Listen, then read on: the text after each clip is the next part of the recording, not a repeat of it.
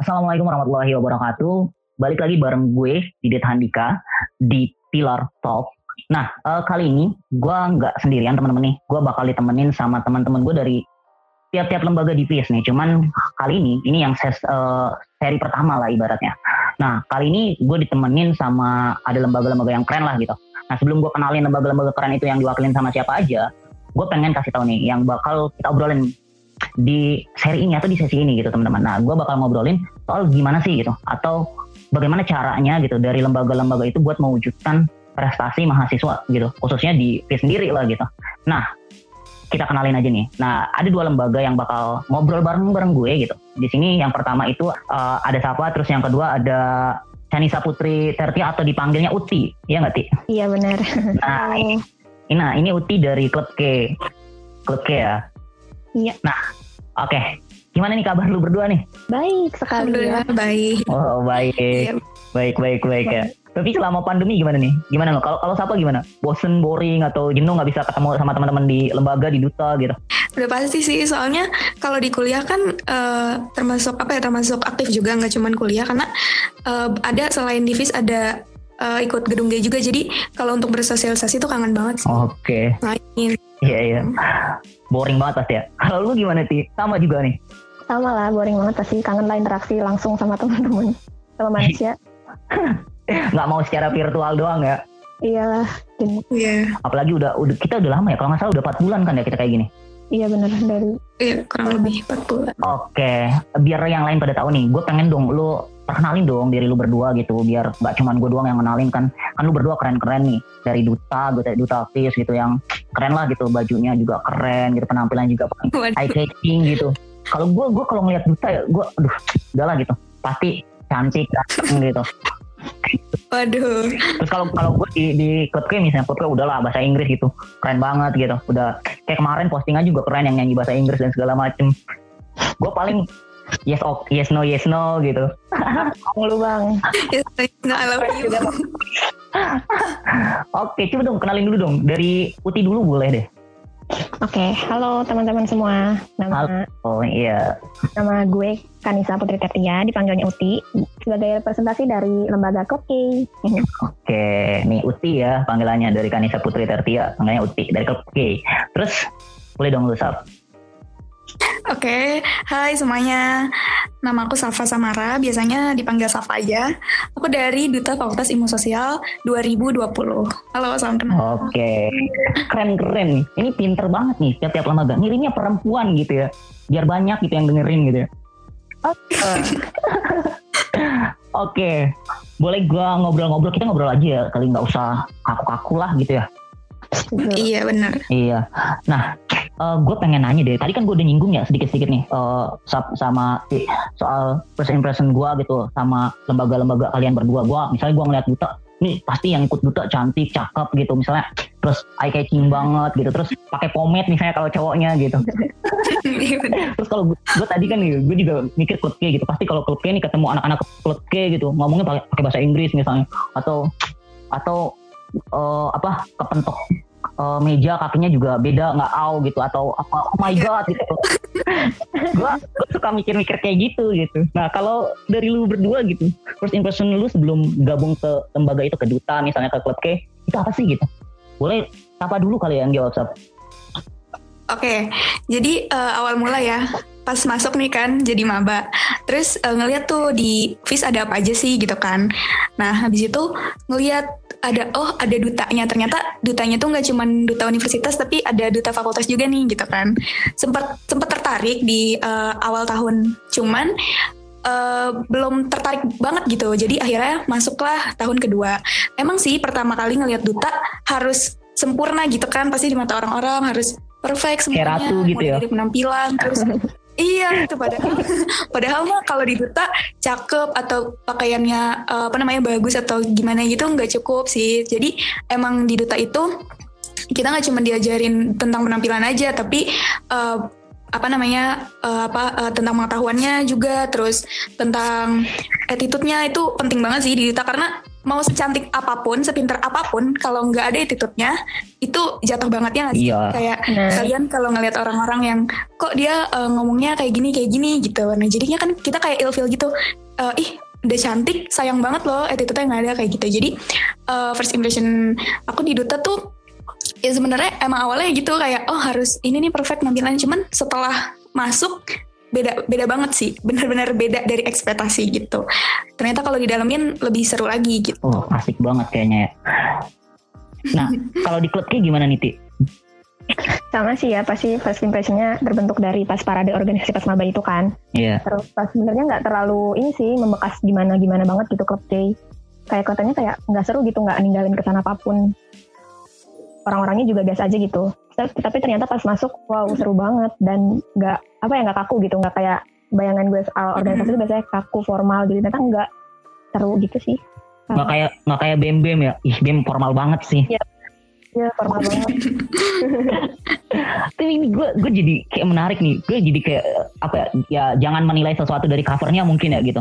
Ya itu bener sih. iya Sekelise itu sebenarnya. Iya ya. Tapi sering kan ya orang, maksudnya mahasiswa-mahasiswa lain karena dia malas gitu, terus dia malas nyari tahu dan segala macem, akhirnya dia mikirnya juga kayak gitu kan. Iya. Mhm. Nah, nih kan lu udah udah kan lu berdua udah gabung nih. Eh kalau siapa angkatan berapa sih? Eh, angkatan 18 tapi di Duta Fish 2020 Oh ber- berarti baru ya di du- duta juga yang tahun-tahun ini. Iya. Nah terus Uti angkatan 19. 19. Terus wow, baru banget berarti di klub K juga ya. Betul. Eh kan lu udah gabung nih gitu. Lu juga udah tadi ternyata pas impressionnya eh, A, tapi ternyata pas di lu udah rasakan C misalnya eh, ternyata realitasnya. Nah menurut lu nih eh, apa yang berubah ketika lu udah masuk ke dalam klub K? Misal lu udah misal siapa nih pakaiannya jadi lebih eye catching gitu yang dilihat orang eh, nggak cuman kecantikan tapi eh, tadi misalnya ya kecerdasan dan segala macam atau Uti misalnya tadi bahasa Inggris gitu jawab tentang Uti dari PPKN kan ya Ti?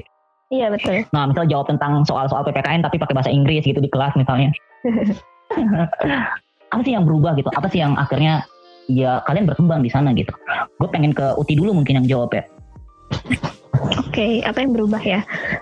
Sebenarnya yang berubah adalah gue lebih berani sih kayak eh, misalkan simple di sosmed gitu, upload pakai bahasa Inggris gitu. Itu jadi lebih pede semenjak masuk K. Oke. Sama antara lebih pede sama juga kayak apa ya, ada entah tanggung jawab gitu buat edukasi teman-teman bahwa ini gue ngomong bahasa Inggris nggak apa-apa nih gitu gue nggak gue nggak perlu takut sama stigma kalau ngomong bahasa Inggris berarti pamer gitu nggak usah takut gitu jadi kayak gitu sih berubahnya dan juga eh, ngemudahin akses kayak misalkan bisa ngerti-ngerti baca jurnal gitu sih sebenarnya Oke, jadi lebih mendorong, memotivasi lu ya.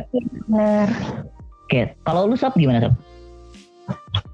Eh, iya sih sama bedanya tuh eh, lebih berani. Ini kan eh, beraninya tuh dalam artian kayak public speaking gitu kan. Pasti eh, orang-orang tuh nggak semuanya berani untuk ngomong di depan umum gitu kan. Iya. Terus juga eh, berani untuk eh, apa ya menunjukkan sisi sisi baik gitu loh. Jadi kan eh, setiap orang pasti ya kalau misalnya di rumah sama di luar tuh beda. Mungkin kalau di rumah ya kita bisa eh, males-malesan gitu kan. Cuman kan kalau di luar kayak eh, orang-orang tuh lihat gitu loh, semua orang lihat gitu. Jadi kita harus menampilkan sisi baik kita gitu. Ini berguna juga sih sebenarnya untuk nanti di dunia kerja ya kan. Karena kan kalau di dunia kerja pasti yang dilihat ya apa eh, pelakuan kita juga gitu kayak kita dari cara duduk, cara makan, pokoknya dari cara jalan itu bener-bener dinilai gitu loh walaupun hal kecil tapi kenyataannya tuh dinilai gitu. Jadi lebih apa ya lebih kalau kalau ibaratnya ya gampangnya dulu tuh aku bukan cewek yang anggun gitu kan. tapi sekarang ya alhamdulillah ada anggun walaupun dikit gitu tapi ada lah gitu.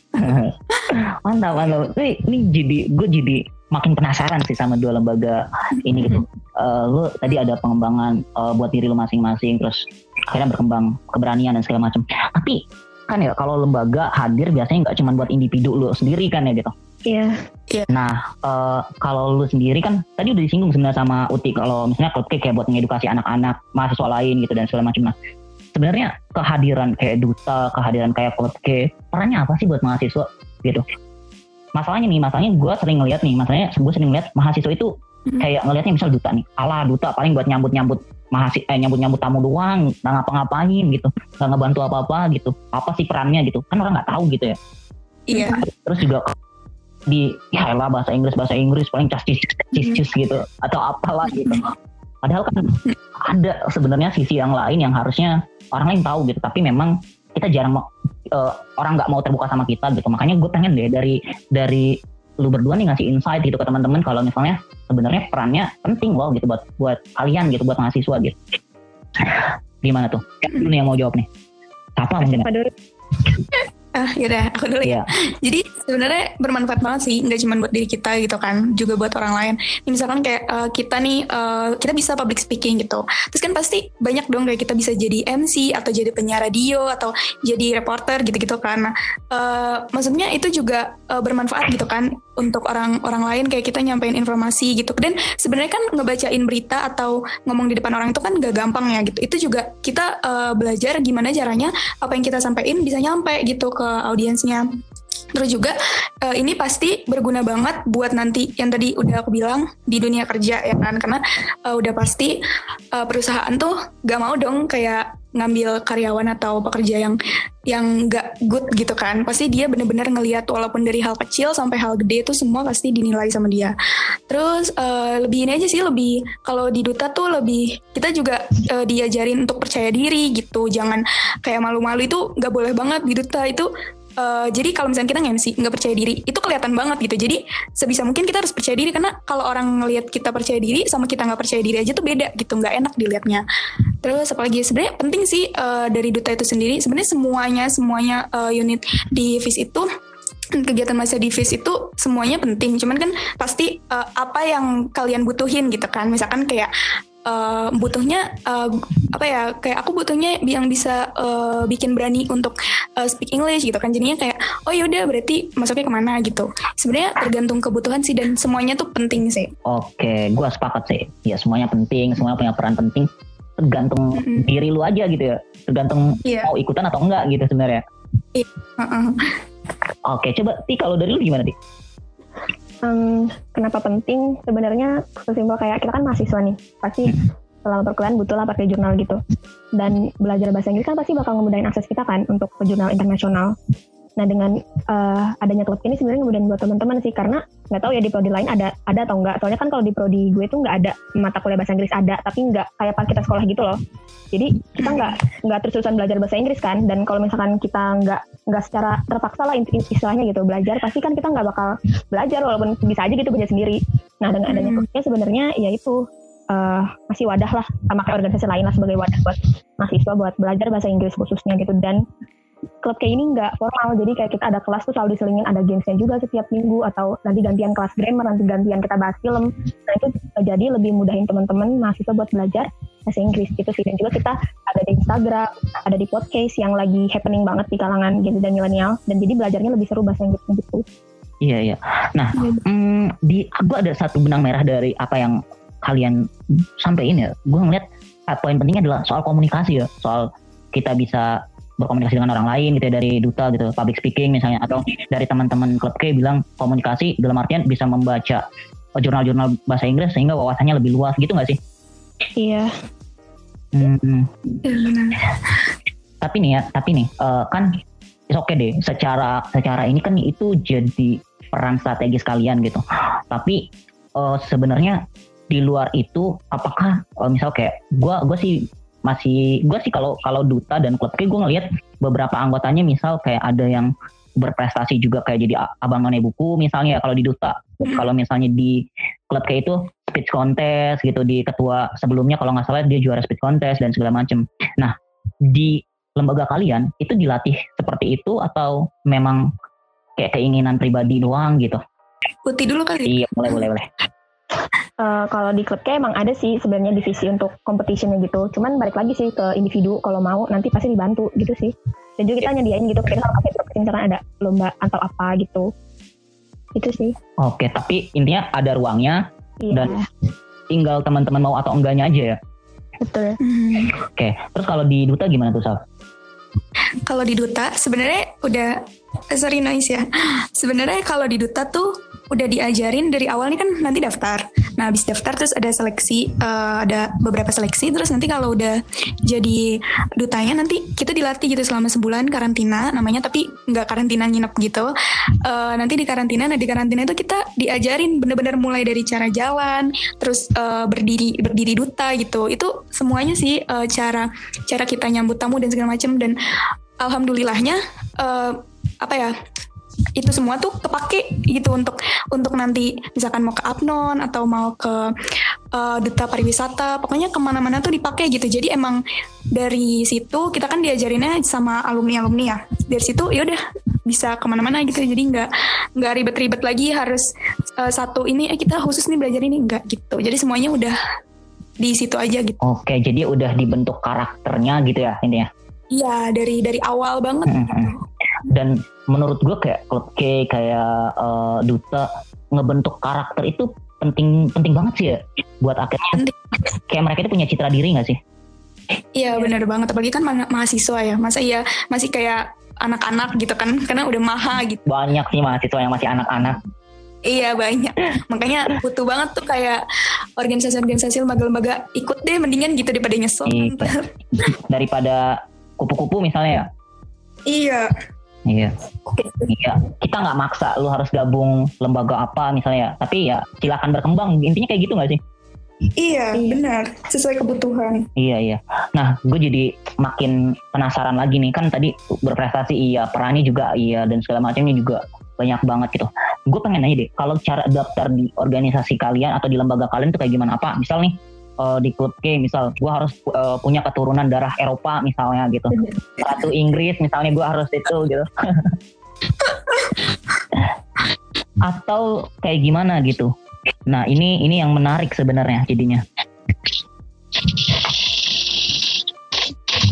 Siapa dulu nih? Siapa dulu nih? Eh boleh dari teman-teman klub K dulu deh gitu. Dari Uti deh kalau K sebenarnya kalau mau daftar itu kita nggak oprek kayak organisasi lain sih. Jadi kalau mau jadi member bisa langsung gabung grupnya dan ikut setiap kelasnya. Bahkan misalkan kalian mau ikut kegiatan klub K itu nggak harus jadi member sebetulnya. Jadi makanya kenapa uh, gue bilang awalnya itu nggak formal karena ya emang bebas banget open gitu. Kan nggak harus merasa terikat bahwa oh, berarti gue harus kalau gue harus kalau gue jadi member gue harus ikut semua kelasnya nih. Enggak gitu. Sesuai kalian aja. Misalkan ada kelas yang menarik nih boleh gabung gitu. Oke, kalau dari klub kayak gitu. Nah, kalau dari duta nih kayak gimana nih? Uh, pasti kita nanti ada ini ya apa pengumumannya gitu. Terus nanti ada formulir isi. Terus nanti uh, dari berkas-berkas formulir itu kita seleksi. Ada kalau kemarin sih ada uh, tiga tahap penyeleksian. Jadi uh, yang pertama dari formulir terus kedua nanti uh, diwawancara. Yang ketiga juga nanti ada yang lebih seru lagi dibanding wawancara. Terus udah deh kalau misalkan udah kepilih nanti di data itu kan ada 12 orang atau enam pasang gitu. Jadi ada enam cewek enam cowok. Nah jadi nanti kalau udah 12 orang itu udah deh tinggal uh, apa latihan karantina ke grand final. Gitu Oke. Nah, uh, teman-teman nih, kebetulan nih gitu. Sekarang kita udah terkoneksi juga sama teman-teman ini ternyata teman-teman Mawapres ternyata nih. Wih. Oke, okay, Yuli.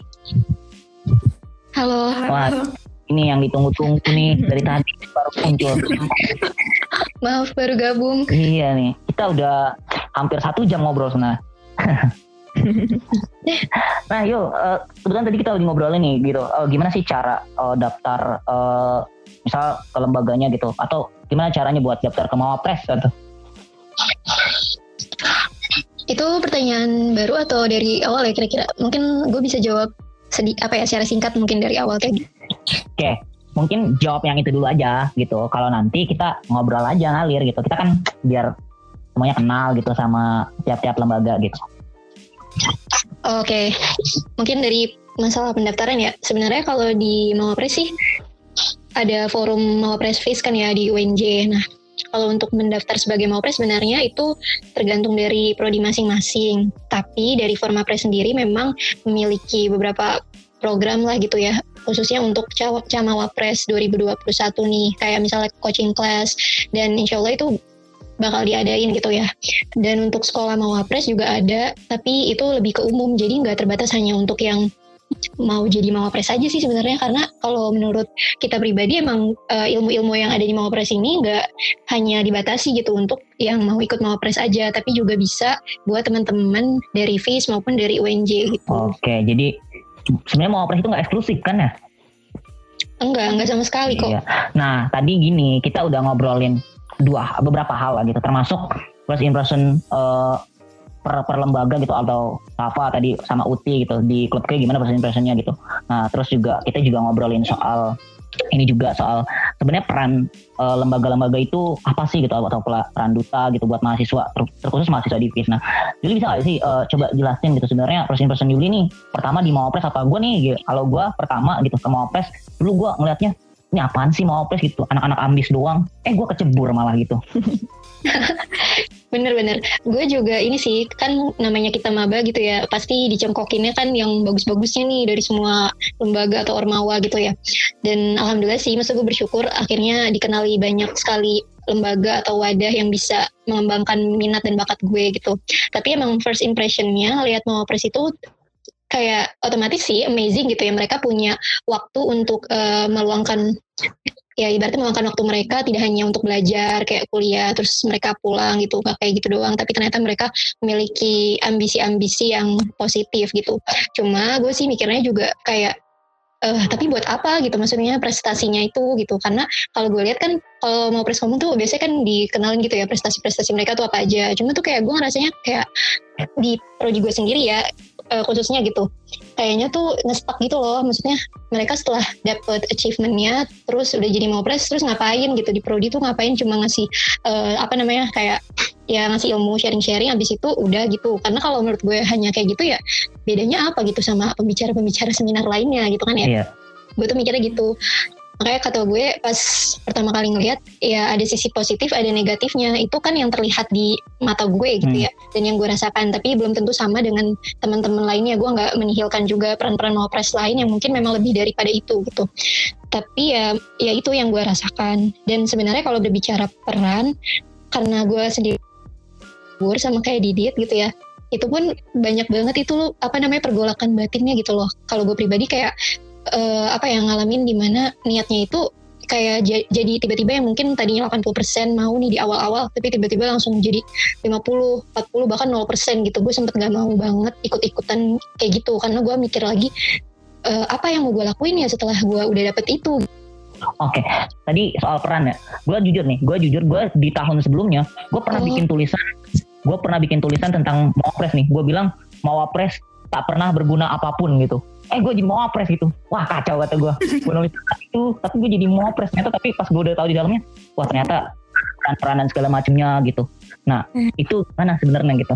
Biar biar nggak salah persep pers apa ya? Nama apa sih? Pers perspektif. Persepsi. Ya keluar kan nih. Itu apa apa deh.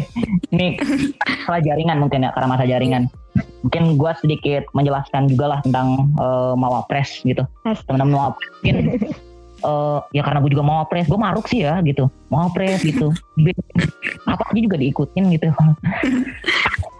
Oke, mungkin nanti lah di sesi selanjutnya kita bakal cerita-cerita lagi tentang mau pres. Nah, gue bakal lanjutin nih sama uh, Sapa dan Uti nih. Gue pengen ini dong, uh, apa ya? Kalian kayak ngasih apa ya ngasih ajakan lah sama teman-teman mahasiswa FIS. Kan lu tahu nih mahasiswa FIS itu katanya nih ya, katanya kritis tapi kalau disuruh ikut apa-apa nih kayaknya paling susah gitu. lu ngerasain kayak gitu gak sih? Iya.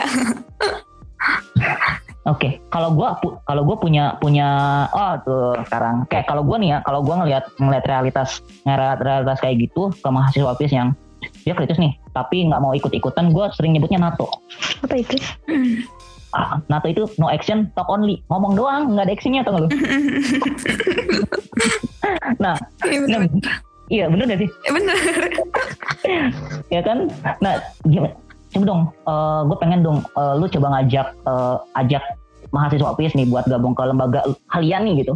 Hmm. Dan dan kena dan kenapa lu harus gabung dan hal hal penting apa yang akan lu dapatkan gitu selain yang yang tadi misalnya gitu dan ayolah gue pikir zaman sekarang itu harusnya zaman kolaborasi gak sih benar iya iya kan tapi mahasiswa bisnis sering banget segmentasi gitu Merasa gak sih kalian? Iya, anak-anak tuh apa ya? Agak mager. iya. pengen, mager. pengen sibuk tapi pengen kupu-kupu juga nah bingung tuh pengen pulang cepet Oke, nah coba dong, gue pengen dong kalian ngajak teman-teman di PIS nih gitu, khususnya ya mahasiswa di PIS buat gabung ke lembaga kalian gitu. Mau siapa dulu nih? dulu Ke siapa? Putih dulu ya oh aku oke jadi sebenarnya eh, apa sih gitu yang ditakutin untuk ikut eh, ikut organisasi gitu ikut ini kegiatan mahasiswa? Karena jujur eh, aku sendiri nih aku tuh pernah ikut bem bem prodi humas. Cuman cuma setahun. Karena eh, Iya. setelah dipikir-pikir takut apa ya takut nggak kepegang gitu kan. Dan pengen jujur pengen lanjut cuman kayak pengen tahu juga nih pengen ikut juga duta gitu. Jadi ya terpaksa harus ditinggalkan satu gitu. Sebenarnya pengen nge-explore sebenarnya nih ya kalau misalkan bisa gitu. Sebenarnya kalau boleh semuanya pengen aku ikutin. Karena pengen tahu satu-satu beneran Dikira Naruto bisa seribu bayangan. karena aku juga sekarang eh, selain duta aku ada di, di gedung G itu Sigma TV ya kan? Jadi bener-bener tadinya ada tiga cuman ditinggalin satu. Alhamdulillah sekarang ringan jadi tinggal dua. Sebenarnya apa ya? Eh, coba deh kalian tuh tahu dulu gitu. Coba deh kalian ikut satu kali eh, satu organisasi gitu. Pasti nantinya bakalan apa ya? Bakalan eh, nagih gitu. Bakalan kayak oh pengen tahu ini juga ah pengen tahu ini juga gitu. Jadi eh, ikut organisasi itu nggak ada eh, nggak ada ininya nggak ada salahnya terus bermanfaat udah pasti. Pasti kalian nggak mungkin nyesel nggak mungkin kayak ah ngapain sih gue gue di sini gitu tuh nggak mungkin. Apalagi kalau misalkan kalian ikut yang bener-bener itu hobi kalian atau emang eh, pengen banget di situ gitu. Terus kalian ngejalaninnya juga enjoy gitu. Mau di mana pun mau di eh, mau di fakultas mau di eh, tingkat universitas gitu. Apalagi kalau di FIS juga kan udah banyak ya jadi kayak yaudah lihat aja gitu yang di FIS udah banyak juga yang itu. Jadi apa ya ikut aja gitu nggak ada yang salah kalau ikut dan lebih ada kesibukan lah gitu. Kalau misalkan kalian juga nih yang yang sebenarnya sebenarnya aku tahu beberapa orang tuh ada yang minat ikut duta tapi banyak rasa takutnya. Entah itu takut pasti insecure gitu kan takut uh, dia ah eh, aku nggak ini nih penampilannya gitu. Atau nggak ah gini ya ampun itu tuh ditinggalin dulu deh gitu. Karena kan kita eh, buat apa kita ada tahap seleksi gitu kan. Semua diseleksi dan pasti kalau misalkan kalian eh, sungguh-sungguh gitu pasti bakalan masuk gitu. Jadi nggak ada salahnya kalian ikut organisasi Oh, is, keren keren keren. Kalau gue masuk nggak kira-kira duta? masuk lah pasti gaya oke Aduh. mawapres masuk gue duta sampo lain kali. gimana sih kalau dari klub K gimana? Kasih dong ajakan buat teman-teman bisa gabung ke klub K gitu. Kenapa harus gabung atau ayolah gabung klub K gitu? Kenapa harus gabung klub K? Karena bakal ngemudahin hidup lo, lo semua gitu, baik dalam kuliah maupun kehidupan sehari-hari. Ya sebenarnya tau lah ya bahasa Inggris adalah bahasa internasional gitu. Sebenarnya kayak kayak dengerin lagu gitu. Kita pasti tuh nggak tahu liriknya, terus kita harus nyari translate-nya dan itu pasti tuh beda gitu saat lo ngerti bahasa Inggris gitu. Arti yang didapat itu pasti bakal beda. Nah itu bakal ngebantu kalau bahasa belajar bahasa Inggris di belajar bahasa Inggris bisa di klub K. Nah, terus kalau misalkan lagi kuliah gitu, disuruh pasti dia disuruh cari cari jurnal kan. Nah kalau misalkan kita nggak buta sama sekali gitu bahasa Inggris pakai Google Translate, kita nggak kebiasa belajar bahasa Inggris, kita nggak nggak terbiasa untuk uh, belajar grammar gitu, pasti juga bakal bingung nah dengan ikut kelas klub K, pasti kalian bisa lah sedikit-sedikit. Sebenarnya kayak gitu sih, terus juga nonton film misalkan, nonton film yang langka terus nggak ada translate bahasa Indonesianya, adanya bahasa Inggris. Nah kalau kita belajar bahasa Inggris, pasti kita bisa bisa udah tahu dong gitu, ngerti lah filmnya tanpa harus nyari subtitle. Nah, kayak gitu sih. Jadi Oke. terbantu kehidupan di kuliah maupun kehidupan kalian sehari-hari. Iya. Terbantu. Oke oke. Nah kalau dari ini kan kalau dari klub K ngebantu banyak hal lah. Iya gue sepakat sih bahasa Inggris penting banget gitu. Jangan sampai oh, lu ngerasa cukup gitu ya. Cukup sama bahasa Indonesia gitu. Bahkan bahasa Indonesia lu juga sosok gaul doang gitu ya. Iya. Nah kalau dari teman-teman Mawapres nih tadi kan sempat terpotong ya nih soal peran nih gimana yo soal peran Mawapres sebenarnya apa dulu nih sebelum lu ngasih ajakan buat yang lain buat gabung ke Mawapres gitu Mungkin kalau dari perspektif gue sih ya, kalau peran mawapres itu sebenarnya sama aja kayak mahasiswa biasa pada umumnya yang mungkin bukan mawapres gitu ya.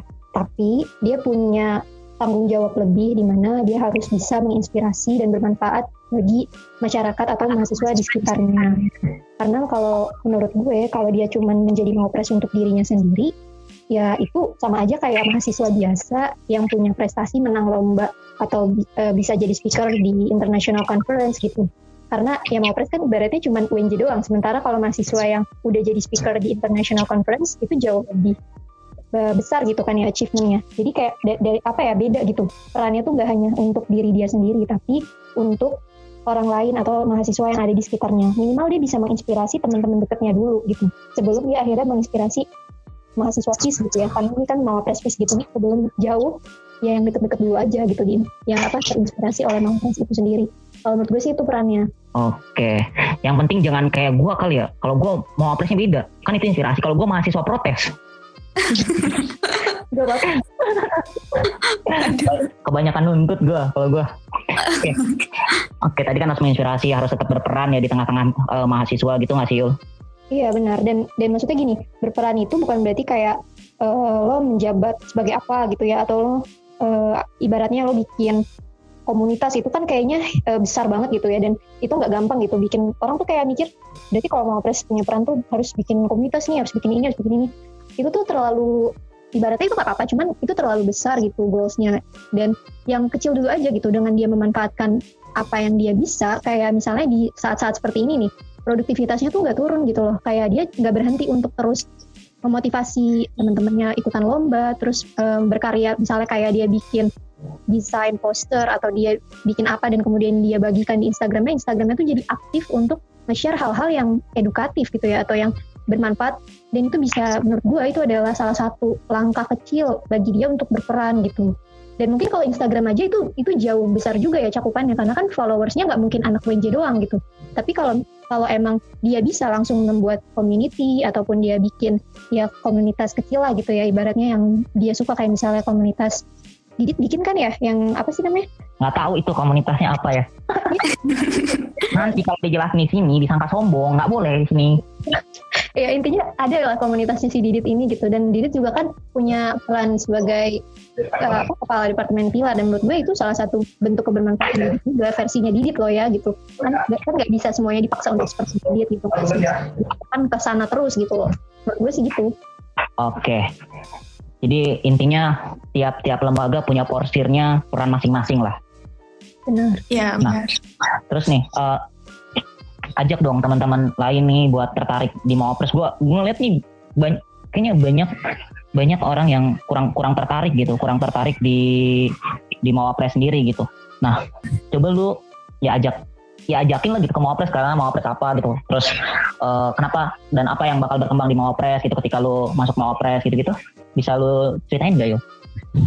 Oke, okay. kalau gue sih ngelihatnya tahun lalu ya di yang kita mengapres itu eh tahun 2020 ya kita ya oh, tahun ini sorry sorry. Tahun ini itu gue ngeliat sih kalau di sendiri malah banyak yang mau ikut gitu loh maba. Tapi ya itu maksudnya karena mereka baru baru pertama kali dengar ada mawapres kali ya jadi kan bener-bener ini banget tuh motivasinya kayak kuat banget gitu. Tapi biasanya kalau semester semester udah kayak tiga empat tuh udah mulai berubah tuh karena udah lebih tahu gitu kan ya.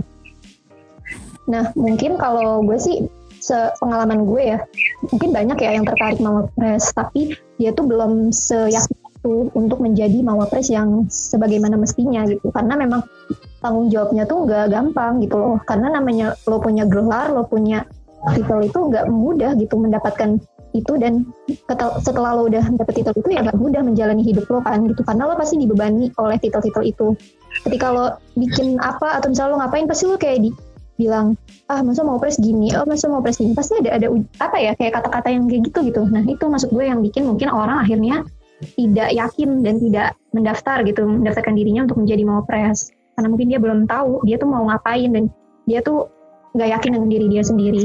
Dan kuncinya sebenarnya kalau mau ikut mau pres ataupun organisasi organisasi lain ya percaya dengan diri sendiri gitu di sini gue mungkin gak mau ngajak dalam artian membujuk-bujuk rayu teman-teman semua untuk daftar mawapres seakan-akan gue kayak promosi gitu ya. Gue gak mau kayak gitu sih. Karena menurut gue uh, kita harus benar-benar lihat ke dalam ke dalam diri kita seberapa yakin kita dengan diri kita sendiri gitu. Kalau kita udah kenal dengan diri kita kita udah tahu potensi kita udah bisa peka terhadap lingkungan dan masalah sekitar kita karena itu yang didapat dari Mawapres ya kita tuh jadi bisa lebih peka terhadap masalah-masalah yang ada di sekitar kita kemudian kita bisa tuangkan itu dalam sebuah karya tulis dan karya tulis itu juga dibutuhkan skill menulis gitu. Jadi lo dapetin juga tuh akhirnya belajar caranya gimana bikin karya tulis ilmiah terus gimana cara nyampein argumen atau ide lo gitu kan. Dan juga lo juga latihan ngomong bahasa Inggris karena kita ada uh, impromptu speech gitu. Dan impromptu speech itu mosinya kaitannya sama masalah-masalah yang ada gitu yang ada di sekitar kita kayak di Indonesia juga di dunia juga bisa gitu. Makanya menurut gue banyak banget plusnya yang didapat ketika udah mendaftarkan diri sebagai mawapres gitu entah uh, lo mungkin gak nyangka itu sebelumnya gitu ya tapi ternyata lo akan dapat jauh lebih besar dari yang lo bayangkan dan itu tergantung gimana lo bisa yakin dengan diri lo dan manfaatin apa yang lo punya kayak gitu Oke, mantap banget nih. Makin ngeri gue sebenarnya sama obrolan-obrolannya nih. Gue makin makin malu gue sama kalian-kalian keren-keren banget nih dari tiap-tiap lembaga kayaknya. Waduh, merendah untuk padahal Bang Didi juga keren. Niatnya gitu ya emang merendah buat meroket bener. Iya, iya, kebiasaan. bisa, bisa, bisa. Nih, uh, kalian pengen satu sama lain pengen nanya nggak sih? Misalnya siapa pengen nanya ke teman-teman klub K atau ke Mawapres atau Yuli pengen nanya ke teman-teman uh, duta gitu tentang duta dan segala macam gitu. Boleh dong satu-satu pertanyaan gitu. Ada gak? Gue mau nanya sih sama duta ya. Iya boleh boleh. Iya tadi kan gue dengar tuh kalau misalnya uh, sebenarnya kalau kita ikut duta yang penting sebenarnya jatuhnya tetap ya modalnya tuh percaya diri aja gitu beraniin diri untuk daftar. Yeah. Tapi sebenarnya uh, di duta itu sendiri ya namanya duta gitu ya berarti kan kita terpampang nyata nih di depan orang-orang gitu kan. Mm-hmm. yang terlihat lah gitu. Nah yeah. itu sebenarnya ada nggak sih penilaian fisik gitu loh? Dalam artian mungkin tadi emang fisik nanti aja deh Irina. Yang penting mungkin soft skill dan ya pokoknya keterampilan serta pengetahuannya gitu ya. Tapi tapi uh, gue tuh berpikir gini apakah iya gitu? Ketika dia memang bagus soft skillnya kemudian dia punya capability yang banyak gitu ya yang beda mungkin dari orang lain tapi secara physically dia tuh nggak menarik untuk dilihat dan mungkin tidak ya mungkin ya bukan yang merendahkan gitu tapi yeah. tidak dilihat orang-orang sebagai duta gitu. Nah itu gimana tuh menurut duta WNJ eh duta Pi sorry. Ya oke okay, uh, eh, pertanyaan dari Uti. Nah ini ya orang-orang juga kebanyakan nanya kayak gini. Dan jawabannya gini jadi yang penting tuh di duta ya kan gak harus cantik, gak harus ganteng gitu. Cuman yang penting tuh seenggaknya kita apa ya? Kita tuh rapi gitu. Seenggaknya yang penting uh, kalau pakai baju tuh jangan kaos yang bolong-bolong itu pasti nggak mungkin kan ya. Seenggaknya tuh kemeja berkerah gitu kan. Terus juga celananya kan kita juga di kampus nggak mungkin dong pakai celana pendek gitu atau sedengkul pasti uh, pakai celana panjang. Sebenarnya uh, intinya tuh rapi gitu untuk masalah uh, penampilan yang menarik atau enggak itu sebenarnya nanti diajarin loh. Sebenarnya kita tuh diajarin kayak banyak uh, teman-teman aku yang cewek khususnya nggak nggak biasa dandan nih ya kan? Kebanyakan cewek kayak gitu. Ibaratnya dia uh, pakai dia cuma ke kampus cuma pakai bedak gitu atau benar-benar nggak pakai apa-apa gitu. Nah nanti di duta tuh diajarin gitu. Seenggaknya di bedak itu untuk apa sih? Nggak nggak bikin dempul gitu loh. Bedak itu kan fungsinya biar muka kita nggak berminyak gitu gitu kan. Nah terus yang cowok juga yang cowok tuh uh, rambutnya tuh pasti permasalahan cowok tuh rambut ya kan? Sebenarnya uh, rambutnya itu terserah mau potong apa tapi seenggaknya dia pakai pomade aja biar kelihatan lebih rapi gitu. Jadi sebenarnya kalau di duta tuh uh, kita nggak mempersulit uh, nah nanti teman-teman yang mau daftar gitu. Karena di duta juga kalau misalkan kalian percaya dirinya udah ada terus um, kalian juga uh, pengetahuannya juga tentang FIS itu udah oke okay, gitu nanti tinggal dipoles lagi gitu Iya mantap mantap. Gue kayaknya pernah apa ya temen gue kalau nggak salah ya, ya gue juga ngelihatnya kayak gitu. Duta nggak nggak terlalu ngebedain, misal warna kulitnya harus putih, yeah. nggak boleh nggak boleh sawo matang dan segala macam. Perasaan ada dulu anak-anak pis ya, yang ya aja gitu, maksudnya secara secara misal warna kulit nggak putih banget gitu, tapi dia bisa jadi duta gitu. Kalau ada kan ya. Iya banyak. Sebenarnya kita nggak ini ya maksudnya nggak rasis gitu. Sebenarnya semuanya tuh bisa gitu. Kalau untuk fisiknya mau dia badannya uh, gemuk kurus pokoknya yang kayak gitu tuh aduh udah deh gitu. Mendingan kalian masuk aja dulu gitu. Karena kalau dari percaya diri aja kalian udah bisa gitu kenapa enggak gitu loh masuk aja gitu. Karena kan kan duta itu duta duta Fis kan bukan ini ya kayak Miss Indonesia gitu. Jadi harus yang mungkin harus yang badannya bagus banget atletis gimana gitu. Enggak gitu. Jadi ya uh, apa ya yang penting ada niat masuk gitu. Pasti nanti ada deh hasilnya gitu. Terus dia mau sungguh-sungguh gitu Oke, mantap-mantap. Bahkan kalau nggak salah Miss World atau atau apa ya, yang kemarin yang menang itu dari kulit hitam ya? Iya, kan kecantikan itu nggak diukur dari kulit, warna kulit. Inner beauty ya, Wah, dari hati katanya. Dari dalam, benar. dari hati, dari dalamnya kalau udah cantik pasti kelihatannya. Wah, gitu. Iya sih bener, soalnya kalau hatinya cantik tuh auranya cantik gitu. Iya, iya bener deh. Maksudnya uh, kelihatan gitu loh orang yang orang yang baik gitu. Maksudnya yang kecantikannya dari dalam tuh ada auranya gitu. Oke, okay. tapi bukan aura kasih ya? Bukan, aura kasih dong. Oke, okay. terus ada nggak? Kan tadi udah nanya nih ke Duta, berarti di skip nih. Duta nggak boleh ditanya lagi. Sekarang tanya ke yang lain dong. Siapa nih yang mau nanya nih? Soal ke Mawapres atau ke klub K? Ke Mawapres. Iya boleh boleh. Uh, Kak Yuli, aku mau tanya dong. Boleh. Uh, kan menjadi Mawapres adalah membawa kebermanfaatan gitu ya bagi diri sendiri dan orang sekitar. Terus uh, standar kita bawa bermanfaatnya itu dikatakan kayak apa sih? Kak aku kemarin sempat nonton kan. Itu ada yang bikin aplikasi, bikin ya bikin sesuatu gitu apa harus sebesar itu Pak? Kita buat sesuatunya gitu. Oke, okay. kalau mungkin emang gitu ya di kebanyakan orang berpikir kebermanfaatan itu ya diukur dari uh, misalnya dia udah bisa bikin aplikasi atau dia bikin tadi yang aku bilang kayak komunitas gitu dan segala macamnya. Sebenarnya simpelnya gini sih, kalau mau bermanfaat itu kan berarti dia bisa menyelesaikan problem-problem yang ada gitu ya. Kalau aku pribadi pernah gitu ada yang ngomong gini, e, karena aku berpikir aku belum bisa sampai ke tahap itu loh gitu, karena masih benar-benar sulit sekali untuk bisa me mengatakan diri kita tuh udah bermanfaat gitu. Dan menurut aku bukan kita yang menilai, tapi memang orang lain gitu kan ya. Dan orang merasakan itu. Dan nggak tahu kenapa tiba-tiba ada uh, anak SMA, dia bukan adik kelasku dari sekolah yang sama dan aku nggak kenal dia sama sekali tapi tuh dia ngomong kayak gini e, kakak aku aku ini ini ini gitu. Dia kenalin namanya dia. Saya dari sekolah bla bla bla. Saya masih kelas 3 SMA saya pengen banget uh, ketemu kakak. Saya nggak tahu kenapa selalu jadi orang langsung melihat status IG kakak saya sampai nyalain loncengnya. Saya suka banget sama setiap postingan kakak dan jujur sebenarnya postingan aku tuh kan random ya. Gak, gak yang semua itu mengandung ilmu gitu loh. Ya, ya random gimana sih namanya masih mahasiswa gitu ya? Banyak kerandomannya. Yeah. tapi tuh ada memang aku pernah nge-share banyak di, di story atau di feeds gitu ya. Dan aku nggak tahu gitu maksudnya aku cuma nge-share aja karena ya udah daripada gue diem aja ilmunya gue simpen kan sayang gitu ya. Nah makanya di share gitu di lewat IG gitu dan gak tau kenapa tiba-tiba ada yang kayak gitu dan itu tuh bikin aku kayak jadi termotivasi gitu loh untuk akhirnya melakukan hal yang lebih. Dan Wendy sendiri tuh di adik kelas eh adik tingkatku ya banyak juga yang akhirnya kak nanya-nanya gitu kak ini bisa kayak gini aku pengen banget deh bisa kayak kakak kayak gini kenapa kita motivasi kakak sekali bla bla bla gitu ya ibaratnya. Karena memang orang tuh melihat uh, aku kayaknya lempeng-lempeng aja gitu loh gitu tiba-tiba memang ini tiba ini gitu. Sebenarnya kan kita yang ngerasain gitu ya gimana kita mendapatkan itu susah banget. Bunuh rasa malas bunuh rasa apa gitu gitu ya.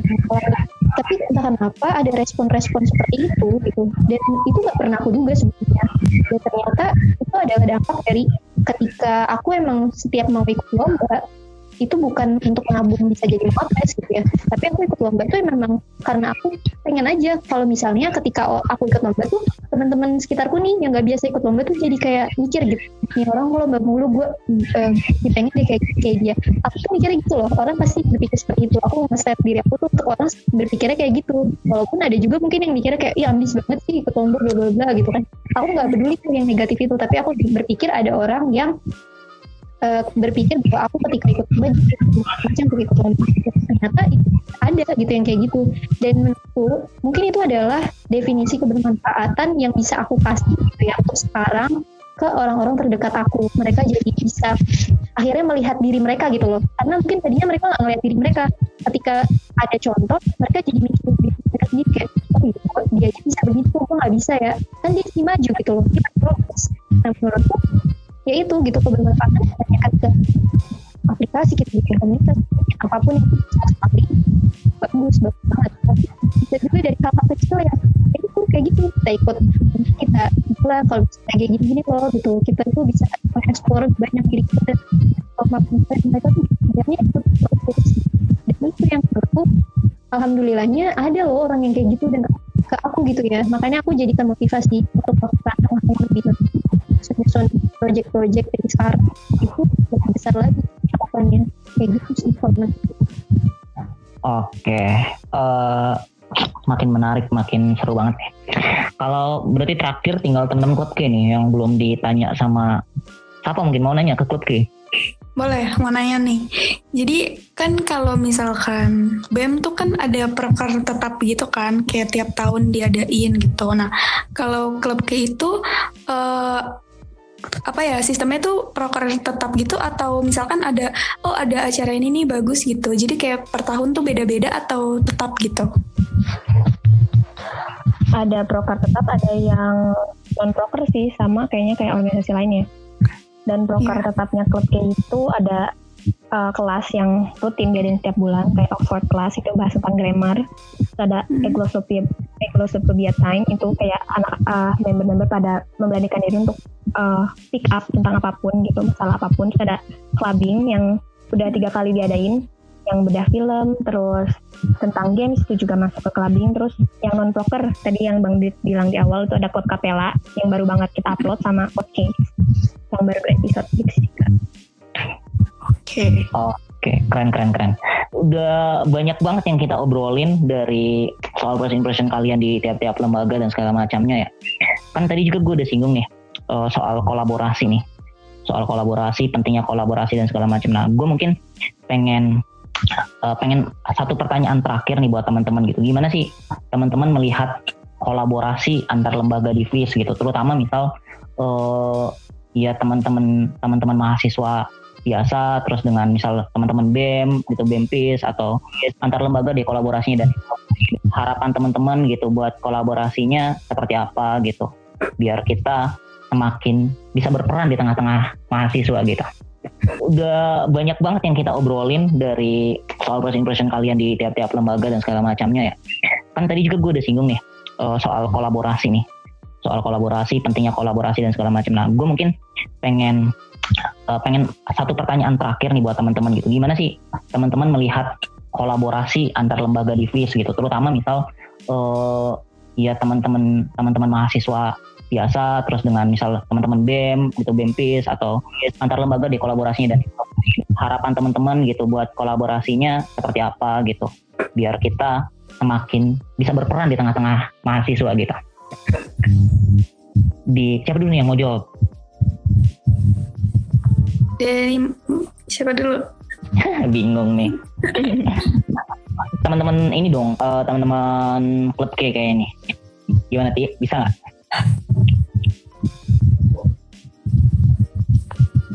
Uti, hilang ya. orang nih.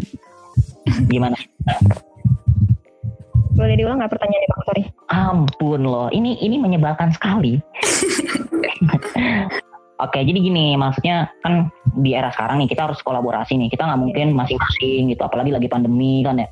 Kita nggak mungkin harus masing-masing terus eksklusif gitu. Apalagi kita mau berperan di tengah-tengah mahasiswa gitu. Nah, menurut lu misalnya BMP sudah kolaborasi gimana ke teman-teman Kotke atau uh, harapan lu kolaborasi itu ke depannya harus seperti apa gitu biar akhirnya ya teman-teman perlembaga itu bisa naik, bisa ke up, bisa terlihat bahwa ada loh kalian gitu. Karena kan gue gue ngerasa ya gue ngerasa gue udah tiga tahun lah kuliah gue ngerasa banyak lembaga yang akhirnya tidak terlihat gitu sama mahasiswa gitu termasuk klub kayak sendiri gitu. Kalau nggak salah klub kayak mati suri kan?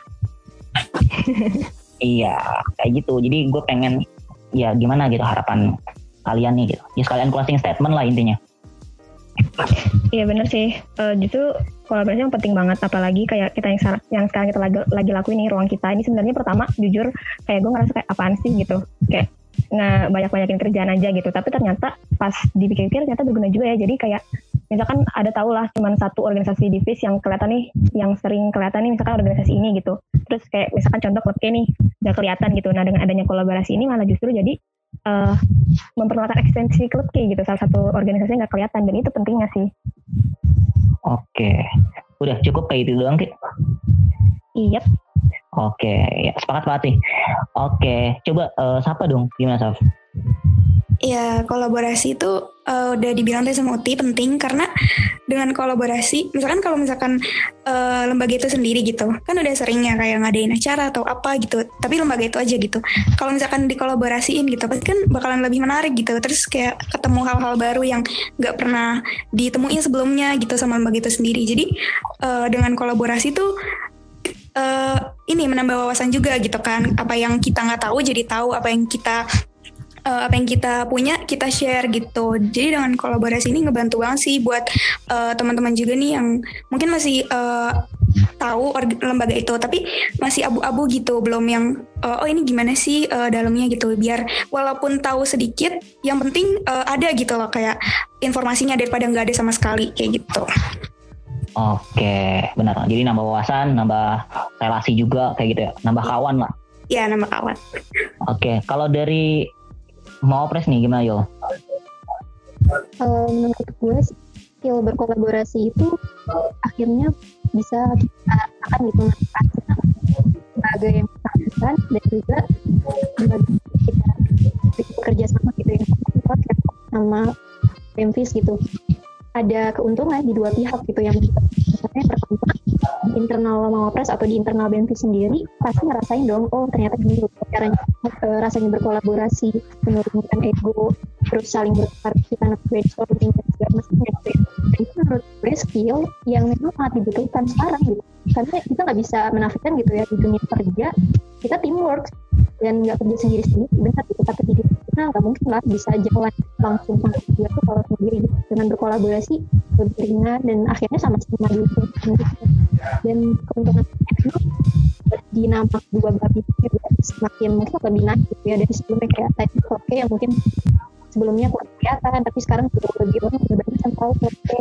karena kita ikut kolaborasi juga nih sama kita dan segala macam gitu ya itu menurut gue dan harus diterusin sih. Dan selaku badan eksekutif karena memang memang gak cuma hanya melayani mahasiswa aktivis dan pengasuhan yang keluar tapi juga perlu melihat nih lembaga-lembaga yang ada di FIS Formawa ataupun komunitas itu bisa kira saling sama saling bersinergi sebenarnya BMPIS dan partisipasi juga mengkaitkan sinergi itu tapi secara BMPIS dan lembaga-lembaga lainnya yang ada di perlu untuk dikembangkan juga. Oke. Makasih nih uh, Yuli dari Mawapres, makasih Sapa dari Duta Fis, terus iya, Putih yeah, dari Oke, makasih banget nih gitu. Hello hello dong sama yang lain dong.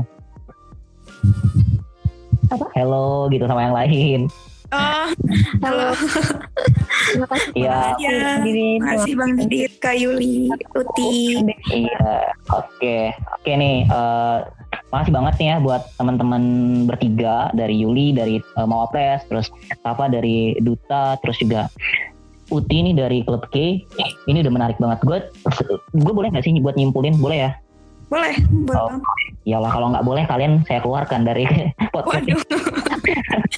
kalau enggak, lu tugasnya apa? Oh iya benar benar benar. Ya siapa tahu gitu ada yang mau menyimpulkan gitu. Oke, okay. uh, eh, kesimpulannya sih gue gue sangat sepakat apa de, uh, yang disampaikan sama teman-teman uh, perlembaga dari Yuli, dari Mawapres, terus Formapres ya Formapres Pres, terus dari Sapa dari Duta Peace, terus juga Uti dari Klub K. Ada setidaknya gue memahami ada ada tiga hal. Yang pertama adalah uh, soal jangan pernah menilai satu lembaga atau satu organisasi itu sebelum lu tahu dulu itu organisasinya apa gitu. Sebelum lu lu memahami itu organisasinya apa gitu. Sebelum lu jangan pernah ya nyari tahu cuman dari desas-desus orang gitu. Itu kan sering banget tuh apalagi maba gampang banget doktrin kan dia. Nggak iya gak sih? Sama senior iya benar nggak usah nggak usah gabung duta gitu. Duta cuman jagain pintu pis misalnya. Kayak gitu itu yang pertama. Terus yang kedua gue sangat uh, menghargai sekali bahwa tiap-tiap lembaga punya peran dan porsinya masing-masing. Kita nggak bisa memaksa misal duta harus uh, jadi seperti anak-anak mau apres gitu harus berprestasi terus gitu. Kita nggak bisa makan gitu. Atau misalnya klub K uh, harus juga bisa kayak anak-anak uh, anak-anak duta misalnya harus berpakaian rapi harus punya karakter. Kalau ngomong udah kayak MC banget gitu. Nggak nggak bisa kayak gitu juga gitu kan iya. jadi punya porsinya masing-masing dan itu bakal bisa mendorong teman-teman asalkan kalian mau berproses di dalamnya gitu kayak gitu Terus yang terakhir nih, ini menurut gue penting banget. Yang terakhir itu adalah soal kolaborasi gitu. Di zaman sekarang gitu, kalau kalian nggak kolaborasi, ya nggak bakal jadi apa pun gitu. Apalagi kalau sifat-sifat elitis ya, yang cuma mentingin kayak misal mau pres, mentingin mau pres gitu. Terus duta, cuman duta doang gitu. Terus klub sama gitu. Nggak bakal maju ya nggak sih? Iya benar. Oke, karena setuju semua, jadi kita akhiri aja nih uh, sesi pertama gitu. Sesi pertama dari pilar talk yang ngebahas tentang bagaimana peran-peran lembaga de, untuk mendorong mahasiswa di FIS untuk berprestasi. Oke sekali lagi boleh dong. Terima kasih buat semuanya dan jangan lupa nonton, jangan lupa dengerin. Kok nonton dengerin? Dengerin. jangan lupa dengerin uh, podcast kita karena podcast kita ya insya Allah bermanfaat. Ya? Iya. Oke, terima kasih semuanya. Selamat mendengarkan dan semoga kalian bisa lebih tahu lembaga-lembaga yang di PIS itu perannya seperti apa, terus juga manfaatnya seperti apa buat kalian dan intinya jangan pernah ragu untuk berproses karena berproses adalah cara manusia untuk bisa mengetahui bagaimana diri mereka menjadi manusia yang sesungguhnya. Terima kasih. Sekian dari gua. Wassalamualaikum warahmatullahi wabarakatuh.